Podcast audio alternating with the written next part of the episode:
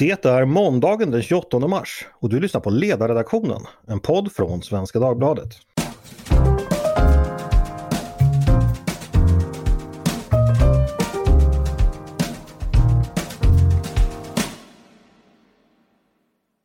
Varmt välkomna ska ni vara.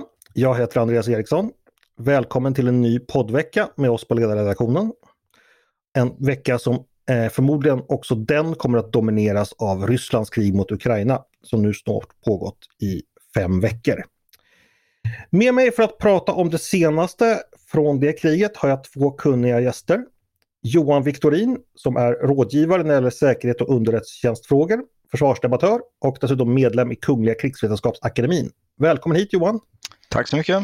Och Nils Bildt, reservofficer som skrev en mycket uppmärksammad och uppskattad text på ledarsidan om just kriget förra helgen. Välkommen du också Nils! Tack, tack! Jag tänkte börja med dig Johan. Eh, kriget har ju då som sagt snart pågått i sex veckor. Eh, mycket av det som skett på marken är förstås fortfarande oklart men den allmänna bedömningen verkar i alla fall vara att det inte har gått som Ryssland planerat än så länge. Du har ju, vet jag, i många år studerat framtida konflikter och skrivit om det.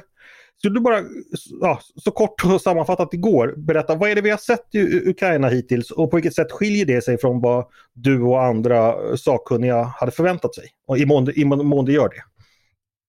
Ja, det vi ser i Ukraina är ett, någonting som många hade hoppats på hade försvunnit, det vill säga ett stort konventionellt angrepp på ett grannland med eh, konventionella styrkor som anfaller och tränger in, invaderar ett annat land. Nu har ju Ryssland invaderat Ukraina i åtta år, men alltså en stort upplagd invasion på bredden.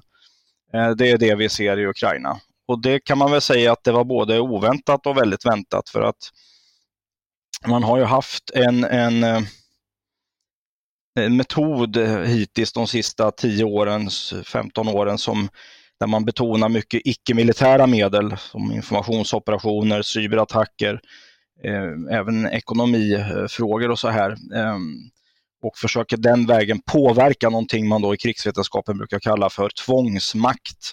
Att man med den typen av maktmedel eh, utan öppna stridshandlingar så ska få en motståndare att göra det som man själv vill, alltså ett beteende som ska ändras på något sätt. Eh, och eh, den linjen har man ju kört och den kröntes med sin framgång kan man väl säga då ur ett ryskt perspektiv 2014 när man annekterade Krim illegalt och som ju egentligen inte riktigt har blivit utmanat av västvärlden.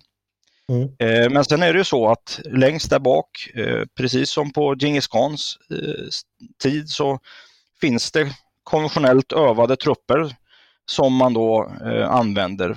Eh, sen kan man ju fråga sig då hur tajmingen var och om det här var en gruppering. Eh, jag tänker på att man då var utspridd på 150 mils bredd, om det var en optimal gruppering för att gå till anfall på en sån här stor bredd. Men det kan vi prata om lite senare, så att det är både oväntat och väntat. Mm.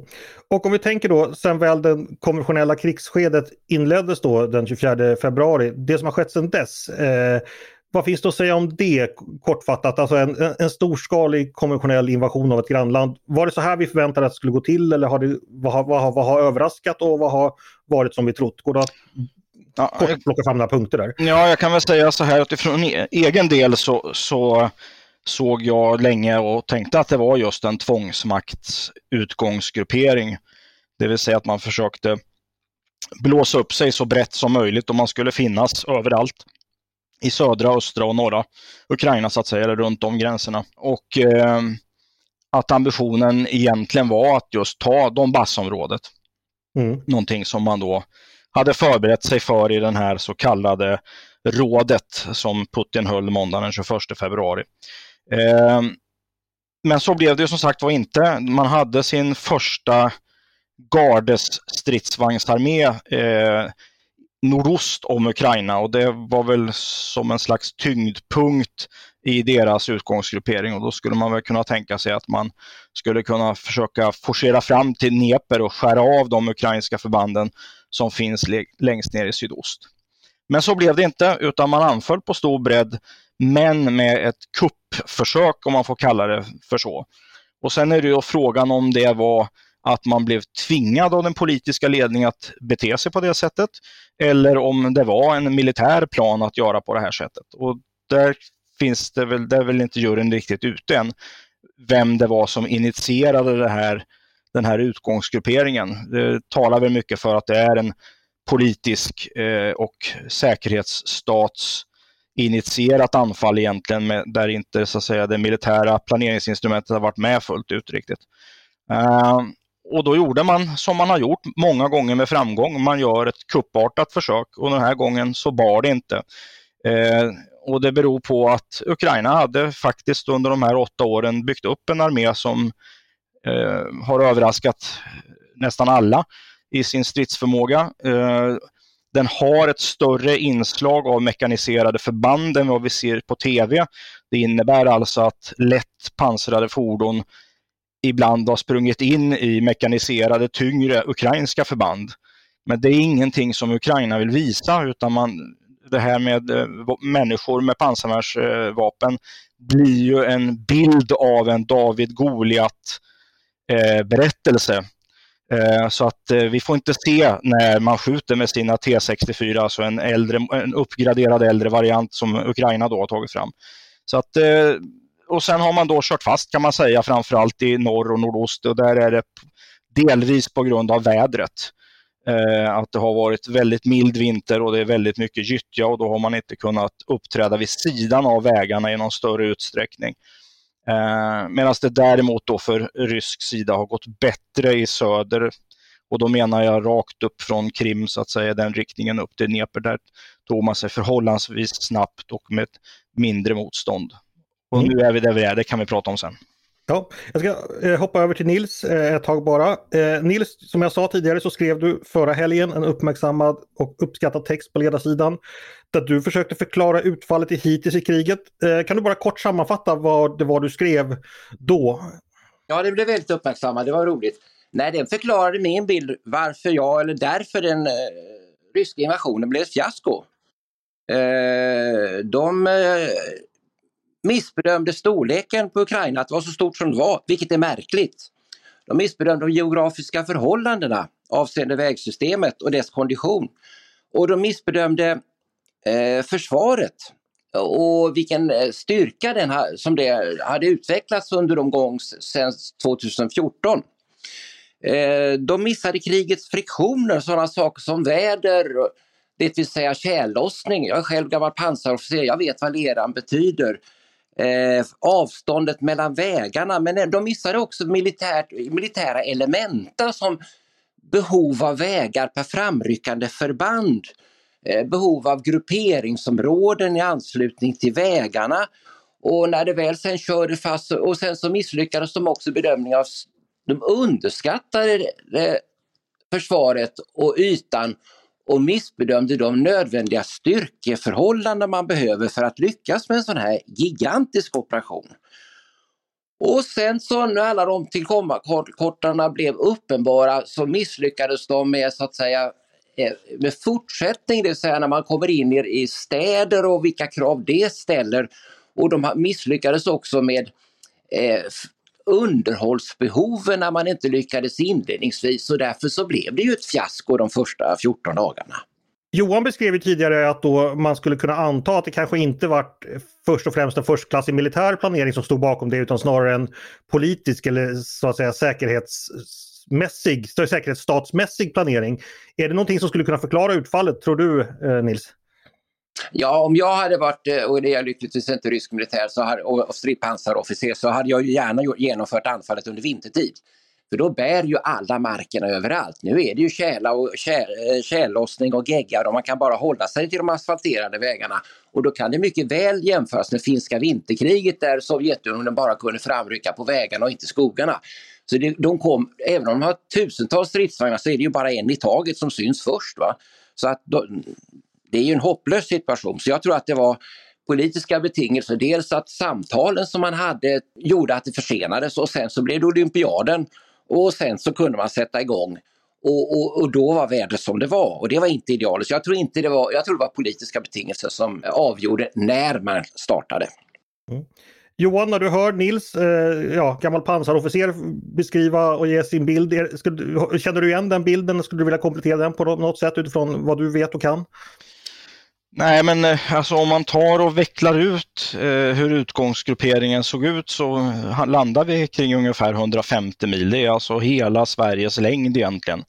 Och det blir ohyggligt svårt att underhålla en sån Även om ryssarna är väldigt duktiga i logistik och kan liksom ta fram stora mängder trupp till en front, att föra dem från Sibirien till, till Ukraina eller dess närhet. Så att sen då försörja på stridsfältet, och jag tror Nils skrev lite grann om detta i sin artikel, Alltså det konsumeras enorma mängder ammunition och bränsle, framförallt i en sån artilleritung armé eh, som, som eh, Ryssland har. Eh, Rysslands armé är också väldigt järnvägsbunden eh, av de skälen som jag tog upp tidigare och det innebär att, att man är van vid att, att kunna framrycka längs med järnvägsstråk och man har pipeline-trupper och man har järnvägstrupper som kan veckla ut det här logistiknätet efterhand. Det saknar man nu när man går på fel håll, eh, norr till söder och, och, och, söder till norr så att säga. Där är det mycket svårare än i öst-västlig riktning. Så att det är en viktig sak. Sen tror jag, men det är jag inte så säker på, men jag börjar fundera på, och tycker mig se några tecken på att Ukraina är mycket bättre i mörkerstrid än vad, än vad de ryska förbanden är. Jag tycker mig se att man är bättre på att förflytta sig under mörker och sen så är det väldigt mycket strider på morgnarna egentligen. Som, och då kan man tänka sig att det finns ukrainska förband som har manövrerat in sig i positioner och därifrån då skjuter på ryska förband. Mm. Om vi ska titta lite framåt, jag ber er inte titta in i framtiden men ändå diskutera utifrån vad vi vet. Va, vad finns det för möjlig utveckling från och med nu? Kriget är ju sagt snart sex veckor gammalt. Jag antar att logistik fortsätter vara viktigt. Jag antar att förband måste börja rotera snart om de ska behålla sitt stridsvärde och så vidare. Att det, det liksom går över till en utnötningsfas. Eh, eh, ja, eller jag är inte militär, där har jag inte ens gjort lumpen så jag vet mycket lite om sådär. Men Johan, skulle du kunna bara kort eh, försöka förklara vilka faktorer det är som blir viktiga nu och vad man kan förvänta sig ske från båda sidor givet de förutsättningar de har. Det är lätt att det, att det blir lite väl stora pilar för samtidigt som det pågår enorma utmattande, eh, otroligt heroiska insatser på marken eh, så på den stora kartan så ser det inte ut som att det är särskilt mycket som rör sig. Så det är en eh, enorm kraftansträngning på bägge sidor, framförallt kanske på den ukrainska sidan, som mm. fortfarande har de inre linjerna. Det vill säga Ryssland det ligger i en halvbåge runt och det gör att det blir lite lättare för Ukraina att försörja sig självt. Men man är väldigt, väldigt trötta, man är, slåss på bristningsgränsen på många fall och är starkt beroende av ett fortsatt stöd från västmakterna det är i princip helt avgörande skulle jag säga för att man militärt ska orka med att stå emot det här. För det, trots många ryska tillkortakommanden så finns det en väldigt hög eldkraft i form av sitt artilleri och det finns en stor massa och tyngd. Man kan alltså styrkegenerera, föra fram ännu mer trupper till fronten eh, om man väl bestämmer sig för det. Så det, det, blir liksom ingen anhämtning för Ukraina.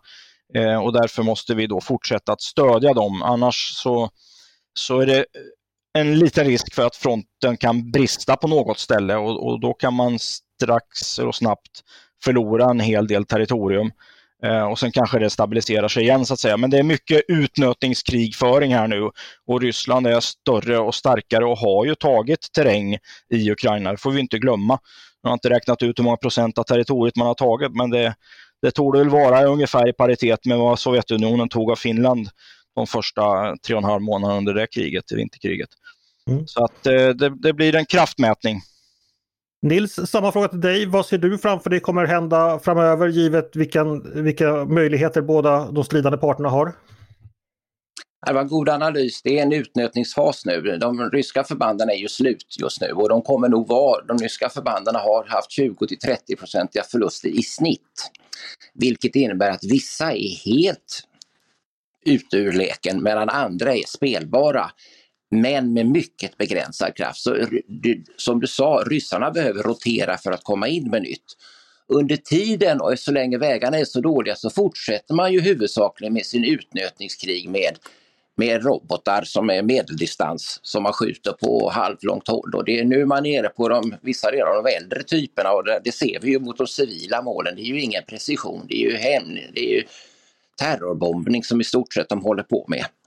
Vad vi kommer se närmast framöver avseende till exempel vädret som man kan tänka sig det är ju att eh, det kommer torka upp och det, då kommer tyvärr de ryska förbanden att kunna breddgruppera och utnyttja ytorna bredvid vägarna vilket kommer att vara till dess fördel i synnerhet med den massa de representerar.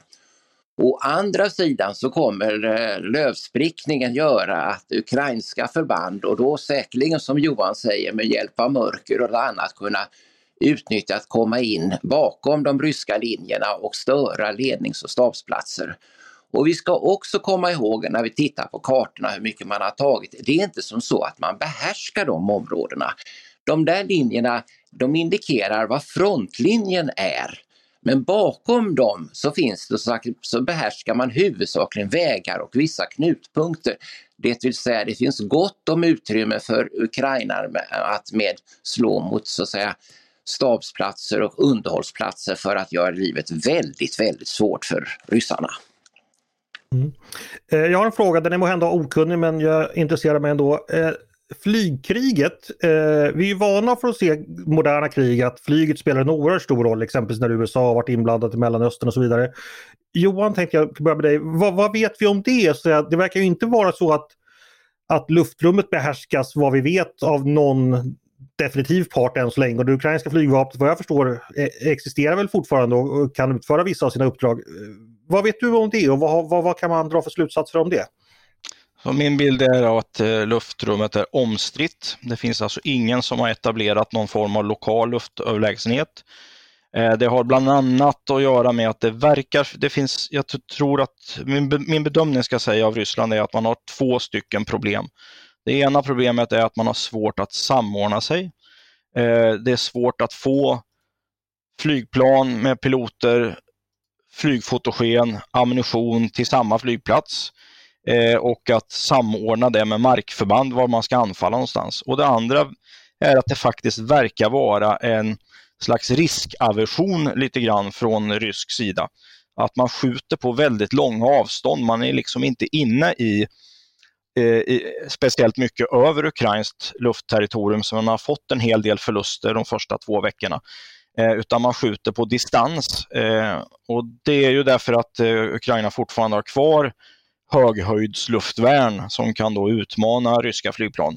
Nu är ju inte luftvärn någonting som måste nödvändigtvis äga ett luftrum utan man kan ju faktiskt bekämpa ett sådant luftvärn också men då kräver det att man har den typen av förmåga, kompetens att genomföra anfall på luftvärnsgrupperingar och skjuta bort dem antingen med eget flyg eller med artilleri, långskjutande artilleriförband och sådana saker. Och den, den förmågan verkar man inte ha på eh, rysk sida. Eh, och därför kan man väl säga att man då inte genererar särskilt mycket effekt från sitt flygvapen. Mm. Nils, eh, samma fråga till dig. Du, du är ju arméofficer, men vad har du för tankar om situationen i luften? Har du gjort några iakttagelser? Ja, eh, luftherravälde är helt avgörande för framgång på marken. Det såg vi i sexdagarskriget och alla andra krig och man misslyckades kapitalt även med det. Eh, delvis av de skäl som Johan säger men också det ukrainska eh, flygvapnet har agerat väldigt försiktigt och finns kvar. Bland annat tack vare att de använder samma principer som svenska flygvapnet, nämligen en, en gles och spridd gruppering. Så man har inte lyckats med attackplan förgöra det ukrainska flygvapnet på sina baser. De finns kvar där som ett hot. Och man har dessutom bränt, har fått ett antal rejäla förluster. Det var ju två stycken mycket stora transportplan, Il-76 som förstördes av luftvärn, så man, man, är, man är försiktig. Och det ryss, man har det ukrainska luftvärnet bygger i huvudsakligen på rysktillverkade system för medel och brottsbekämpning Och de är uppenbarligen väldigt framgångsrika, de ryska systemen i det avseendet. Och på kort håll och på låg höjd så har ju ukrainarna tillgång till Stinger från USA som också är effektivt. Så det är med all rätt att eh, ryssarna är avvaktande och det är till stor fördel för Ukraina. Mm. Vi ska eh, vända oss lite mot vår eh, egen eh, horisont och diskutera lite eh, svenska förhållanden. Det pågår en intensiv debatt i Sverige om framtida försvars och säkerhetspolitik. Eh, vi kunde exempelvis se det i Agenda igår. Nu ska ju då, eh, har ju statsministern och försvarsministern lovat att de svenska försvarsanslagen eh, så fort det är möjligt ska upp till 2% av BNP. Eh, försvarsberedningen ska, har redan, har redan eh, lovat nya pengar när det gäller materialanskaffning och ska också återsamlas nu i april för att diskutera hur den här höjningen ska ske. Jag tänkte fråga er vad, vad, vad ni hämtar från det krig som pågår just nu och de olika aktörernas agerande och vad, ja, vad det betyder helt enkelt för den svenska försvarsplaneringen. Jag tänkte börja med dig Johan. Eh, Finns det någonting du tycker som vi lär oss just nu som politikerna borde ta till sig och eh, när det gäller helt enkelt hur, hur, den framtida riktningen för Försvarsmakten? Nej, men alltså riktningen tror jag, den är ett försvar som är avpassat ut efter våra förhållanden. Den, eh, den har man ju liksom fått till på rätt nivå, utan viktiga läxor kanske är att, och det visste vi ju redan innan, eh, det är ju förbrukningen av ammunition och robotar och liknande saker. Det sker ju en kopiös mängd. Och nu när då krigsrisken i Europa har blivit högre så måste man alltså öka de lagren. Det andra är att det är också en bekräftelse på att, att ha en välövad eh, försvarsmakt är eh, avgörande, kanske framförallt i inledningen eh, av, eh, av en konflikt, så att man orkar stå emot Eh, Eh, och där finns det nog en, en del att göra och eh, att man tillför då medel för att ha råd att öva ordentligt. Och på samma sätt att man har då tillgängliga förband när det händer någonting så att man utökar den personalram som finns med så kallade kontraktsanställda. Eh, och sen så eh, är det betydelsen av ett civilt försvar och här har man inte riktigt kommit ur startgroparna vill jag hävda.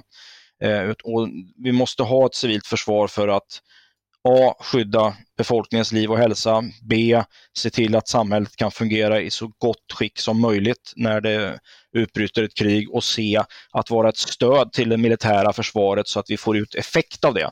För att vi kan ju skaffa oss hur mycket flygfotogen vi vill till våra Gripenförband, men kan inte de komma fram till de eh, flygbaser som finns eh, från Göteborg och, eh, och så vidare och framåt, då då får man inte ut den effekten som man hade hoppats på och planerat för när det gäller militärförsvaret.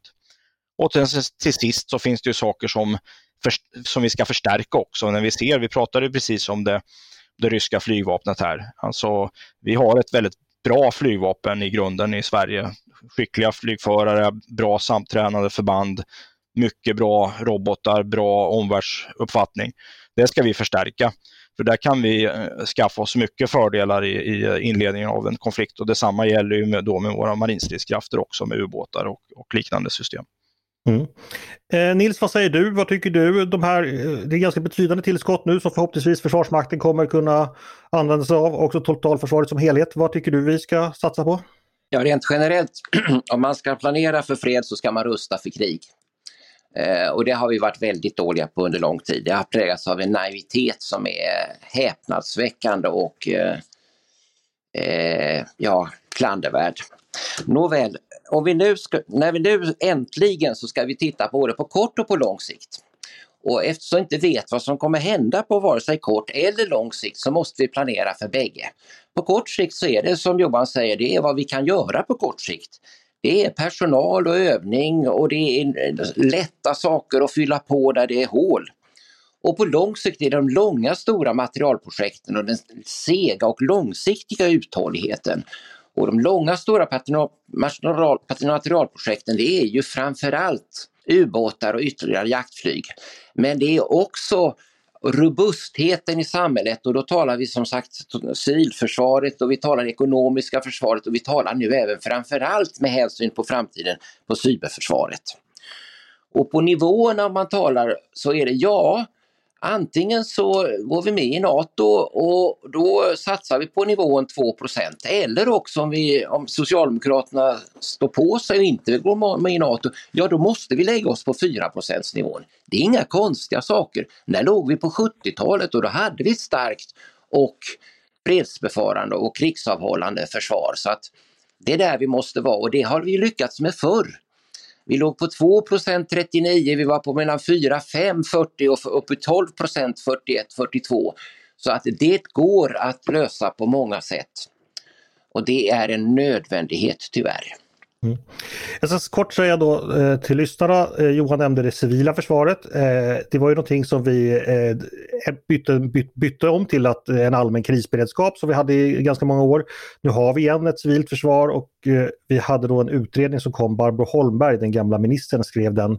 Den blev klar 2021. Den har ännu icke landat i någon proposition från regeringens sida men där finns det i alla fall förslag. Och vi vet att framöver i försvarsbeslutet finns det också mer pengar till det civila försvaret. Jag tror, om jag de sa på Agenda igår att det är drygt 4 miljarder fram eh, år 2025 det ska vara uppe i. Men än så länge så finns det en del kvar att göra där. Eh, en fråga jag har till er, som har, det har diskuterats en del det här med både civilbefolkningen och eh, truppernas moral och att den i, i, från rysk sida då att den var väldigt låg för man visste inte vad man gjorde, man fick väldigt sent, ja, många av dem visste inte ens att de skulle ut i krig och trodde att de var i en övning. Eh, Johan, vad finns det att säga om det och det här med eh, den, vad ska vi kalla det, mentala beredskapen för krig och vilken roll spelar det och vad, hur kan man förbereda det både när det gäller Försvarsmakten och befolkningen i helhet? Ja, det är eh, en väldigt viktig faktor eller nästan kanske till och med en avgörande faktor i inledningen av ett, eh, av ett eh, stridsförlopp. Att man har en hög försvarsvilja. Vi har satt, sett den ukrainska, den har varit skyhög och vi har också en hög försvarsvilja eh, i ett europeiskt perspektiv. Eh, kanske inte riktigt lika hög som förut, men vi kan nog återta den som vi hade på 70 och 80-talen som Nils refererade till. Och det handlar ju om att kunna stå emot den mentala chock det innebär att inse att landet helt plötsligt har kastats in i ett krig och att man är utsatt för ett väpnat angrepp på stor bredd av en stormakt. Uh, och då är det väldigt värdefullt, men det har också ett värde, kanske framför allt innan, som en del i den krigsavhållande effekten.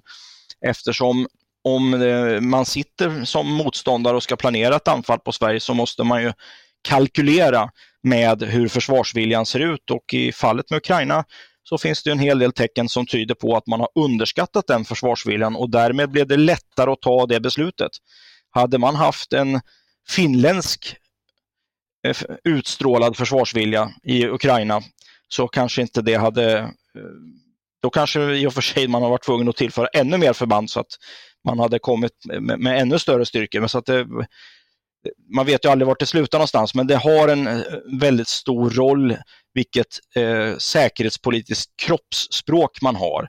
Så visar man att man verkligen vill försvara sig och det är ju allt ifrån att eh, fälla sjunkbomber för att tvinga bort eller, eller slå ut en, en eh, misstänkt undervattensverksamhet i fredstid. Det är också en, eh, ett, ett sätt att visa sin försvarsvilja som man inte ska underskatta. Mm. Nils, vad tycker du om detta? Vår försvarsvilja, vilken betydelse har den och eh, hur kan vi arbeta för att stärka den? Jo, den är jätteviktig och den tror jag i grund och botten verkligen finns trots att vi har levt i fred så länge. Så inför hot så tror jag den verkligen föds och kommer upp igen. En annan faktor som är av utomordentlig betydelse är ju ledningen. Och det såg vi ju i Ukraina när Zelensky sa att jag stannar kvar. En tydlig ledning är den andra komponenten. Den tredje är ju givetvis eh, militära förmågan eller att det finns eh, förband och, och ammunition välrustade. Och det fjärde är övning. Det finns ju en militär eh, variant som heter motivera, instruera, öva, öva, öva, pröva. Det vill säga med övning så kommer också självförtroendet och har vi de här fyra komponenterna på plats i tillräcklig omfattning då, och de geografiska förutsättningar vi har och förhoppningsvis också ett NATO-stöd eh, mm. så eh, kan Sverige leva bra i, i fred. Mm. Eh, en sista fråga, vi ska snart avrunda, men finns det någonting i, i rapporteringen från, från kriget, eh, Rysslands krig mot Ukraina eller i, i dessa, den allmänna debatten som ni tycker missas lite, som ni tycker behöver lyftas fram mer? En lärdom eller en tankegång eller en, en utmaning så att säga. Om vi börjar med dig Johan, finns det någonting du tänker på? Ja, kring själva kriget så ser vi ju inte så mycket om eh, exempelvis eh, cyberkrigföringen. Eh, och vad det då beror på, alltså den, den är naturligtvis svår att rapportera om för den pågår ju inne i system och vi ser att det förekommer en del eh, försök. Det verkar inte ha gett så mycket effekt, men är det för att man har hållit tillbaks de bästa stridsmedlen man har på cybersidan från rysk sida för att man inte vill avslöja eh, koder man har eller eh, mjukvaror man har skapat och sådana saker. Eller är det för att man har varit verkligt duktig i försvaret på Ukrains sida? Det vet vi inte riktigt. Det vore spännande att se mer rapportering kring detta. Sen tycker jag nog att eh, jag skulle nog gärna vilja se en lite mer, det händer saker och ting runt Ukraina som inte bara är Ungern och Polen och sånt, utan vad händer i Georgien och Azerbajdzjan och Armenien och sånt där? Kan det här bli en större konflikt i det här området? Eh, det går snart så att den här konflikten blir sammanbunden med konflikten i Syrien. Kan, finns det en sån fara och Turkiets roll och sånt? Det skulle jag vilja se lite mer om. Mm. Nils, vad skulle du, tycka, vad skulle du önska att vi mer lyfte upp eller diskuterade eh, eller funderade kring från den här nyhetsrapporteringen? Eh, jag tycker Johans svar var bra. Vi vet ju inte vad vi inte vet, men jag tycker den rapportering som har skett eh, har varit nog så tydlig man kan få. Eh, vi kan också notera att ukrainarna är ju väldigt sparsamma med militära detaljer och att visa militära förband och förmåga och vapen och vad de gör. Utan de för ju ett med all rätt mycket framgångsrikt informationsdelgivning, läs informationskrig mot Ryssland genom att ge oss i västlandet bilder på eh, en förfärlig levnadssituation för de civila, för det tar vi gärna an oss och eh, som underlag för vårt stöd till Ukraina. Jag tycker rapporteringen är bra. Mm. Stort tack för att ni ville komma hit och prata med mig, Johan Viktorin och Nils Bildt. Tack båda! Tack så mycket! Tack, tack! Och tack till er som har lyssnat också på Ledarredaktionen, en podd från Svenska Dagbladet. Ni är varmt välkomna att höra av er till oss på redaktionen med tankar och synpunkter på det vi precis diskuterat. Eller om ni har idéer och förslag på saker vi borde ta upp i framtiden. Maila då bara till ledarsidan snabel svd.se. Dagens producent, han heter Jesper Sandström. Jag heter Andreas Eriksson och jag hoppas att vi hörs igen snart.